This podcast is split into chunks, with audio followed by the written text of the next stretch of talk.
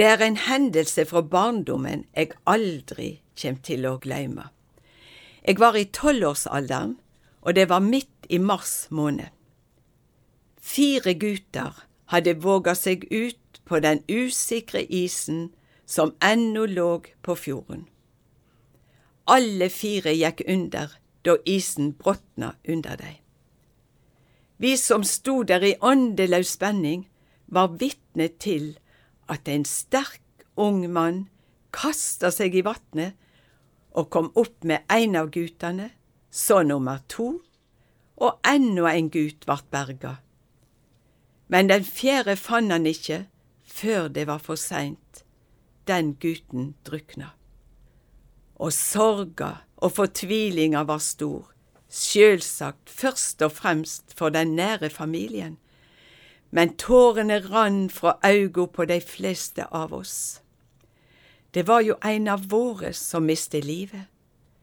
Sjølvsagt gledde vi oss over de tre som vart redda, men samstundes steig det et rop opp til Gud, Kvifor, Herre? Dette spørsmålet har steget opp til Gud til alle tider.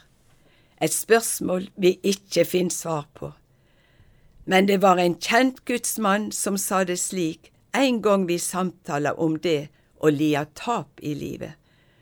Han hadde også mist et barn i ei ulykke. I Guds hand kan det vonde og smertefulle vendast til det gode. Men det kan ta tid før vi ser dette. Sorga må få den tida hun treng, og det er lov å spørja, det er lov å rope Kvifor, Herre? Så er det der vi er, med de spørsmåla vi ikkje finn svar på her nede. Det vi legg i Guds hender, er i de tryggaste hender.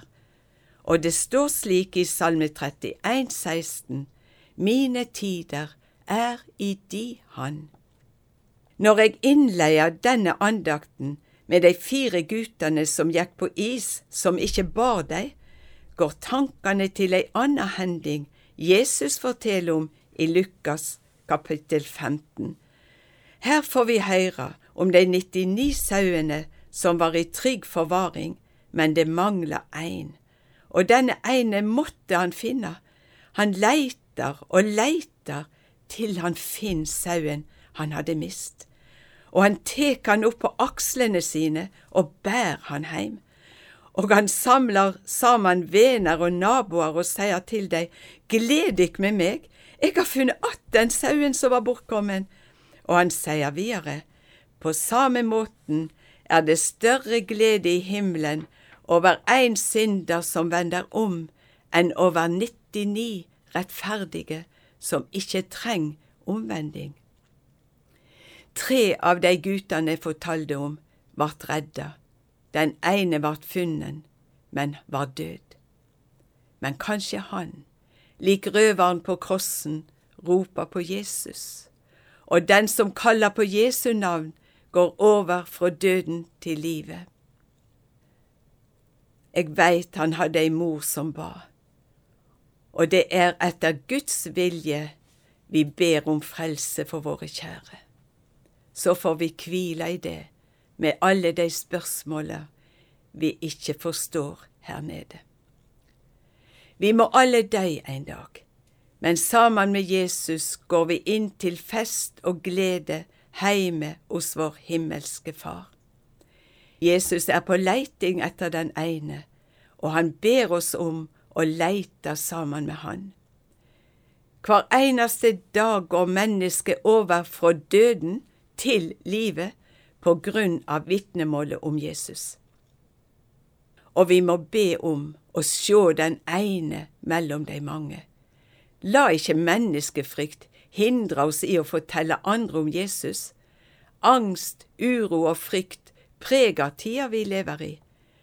Vi har en budskap å gå med som gir tryggleik midt i alt det utrygge. Jeg vil lese et dikt skrevet med bakgrunn i det denne andakten inneheld. Kvifor kjem det tunge tider, angst og mørke på min veg?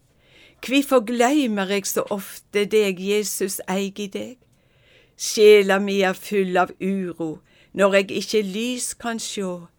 Livet har så mange gåter som eg ikkje kan forstå.